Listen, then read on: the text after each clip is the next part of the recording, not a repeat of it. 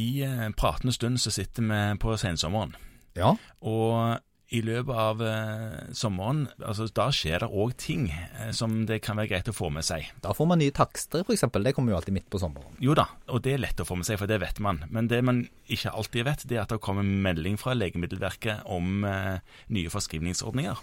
Det skjer, ja. Og det skjedde i sommer, og eh, for å kunne prate om dette, så er vi nødt til å gå litt på akkord med et prinsipp som vi har hatt her i podkasten siden vi starta, og det er ikke snakke så veldig mye om medisin, altså preparatnavn, unntatt virkestoff. Ja, Men det må vi nesten gjøre. ja vi må nesten det, fordi at her gjelder det egentlig noen produsenter og ikke andre, så da må vi snakke litt om det.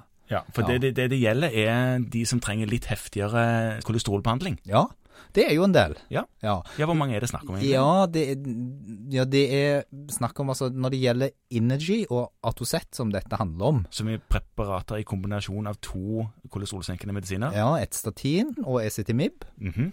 eh, i forskjellige styrker. eh, Som da er veldig greit, for det er én tablett for pasienten å ta. ja. Disse to har nå blitt tatt av forhåndsrefusjon. ja, så du, du, du får ikke lenger dette på blå resept. Nei, og det, det handler om pris. Eh, Ja. Betyr det at du får, du får hver enkelt av eh, komponentene på blå resept, men Ja. ikke kombinasjonen? Ja, og, og så sp- spurte du egentlig hvor mange er det som bruker det, og det, det vi vet er at det er sånn røftlig 22 000 pasienter som bruker disse kombinasjonspreparatene. Mhm. Egentlig er nok det for få, fordi at mye av det vi ellers har snakket om er jo det at kanskje vi skulle ha senkt kolesterolet enda mer hos pasientene. Jo, kanskje det. Ja. Men, men nå er det altså de 22 000 som har et potensielt problem, hvis de får kombinasjonspillen. Ja, eh, fordi at de har egentlig ikke et problem hvis de har en gyldig resept, for så lenge den resepten er gyldig, så vil de få det ekspedert etter gammel ordning. Ja, og denne beskjeden kom i midten av juli. Ja, så hvis du fornyer resepten din før 15. juli, så er den gyldig i et år. Den er ikke gitt tilbakevirkende kraft sånn sett. Nei. Men hvis, det som kanskje er viktig nå, er at hvis pasienten ringer til kontoret eller sender melding til kontoret og bare ber om å få en ny resept på dette, Ja. og du skriver en ny resept på Atocet, Eller Energy? eller Energy, og pasienten går på apoteket, så vil de ikke få ekspedert det. Altså, de må eventuelt da betale sjøl. Ja. De Altså, få den på hvit. få den på hvit.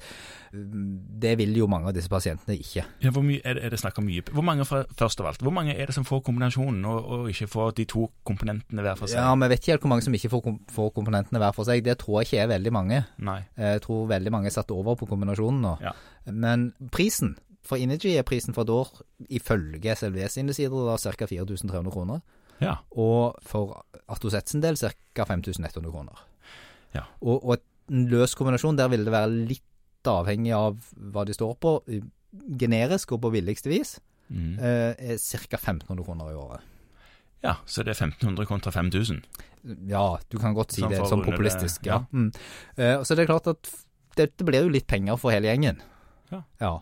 Eh, hvis du står på Energy, som er en kombinasjon av Esetimib og Simvastatin, Ja. så vil du få tilbud om en generisk kombinasjonspille som finnes ute. Ja. Eh, og den, den er fortsatt på blå resept. Sånn at når du skal fornye, så kan du skrive det generiske Esetimib slash Simvastatin Mhm. på resepten, og så vil de kunne få ekspedert det. For der er prisen mye lavere. Men, men for at vi skal spare oss litt grann støy, så må vi prøve å huske på dette. Altså, skal du si, det er 22 000 pasienter, men det blir da noen på hver liste, da. De, ja. Ja.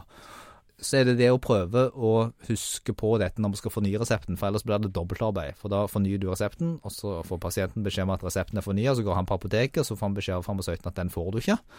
Og da, i verste fall, så har du en som ringer til deg midt i konsultasjonen og lurer på hva gjør vi nå. Ja.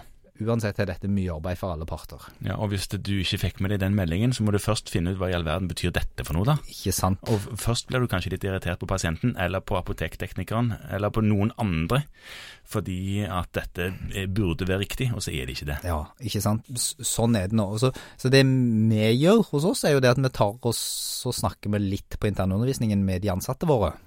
Og så sier vi det at prøv nå å huske på det at hvis noen som, som fornyer disse medisinene, så, så må du legge en melding så vi får endra på det. Mhm. Det er jo knot, Det er knot. fordi at sånn compliance-messig så er det ikke kjempeheldig.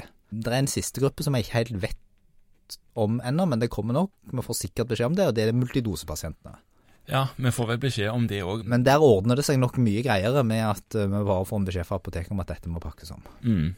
Og så er det jo alltid muligheter for individuell refusjon dersom det skulle være et eller annet. Ja, eh, selv om jeg eh, pff, ikke helt kan se for meg hvordan den søknaden som går på at de klarer bare å ta én tablett og ikke to, skal gå gjennom Innoselfo, men, men jeg tenker at eh, det er jo lov å prøve. Ja, Ja. ja.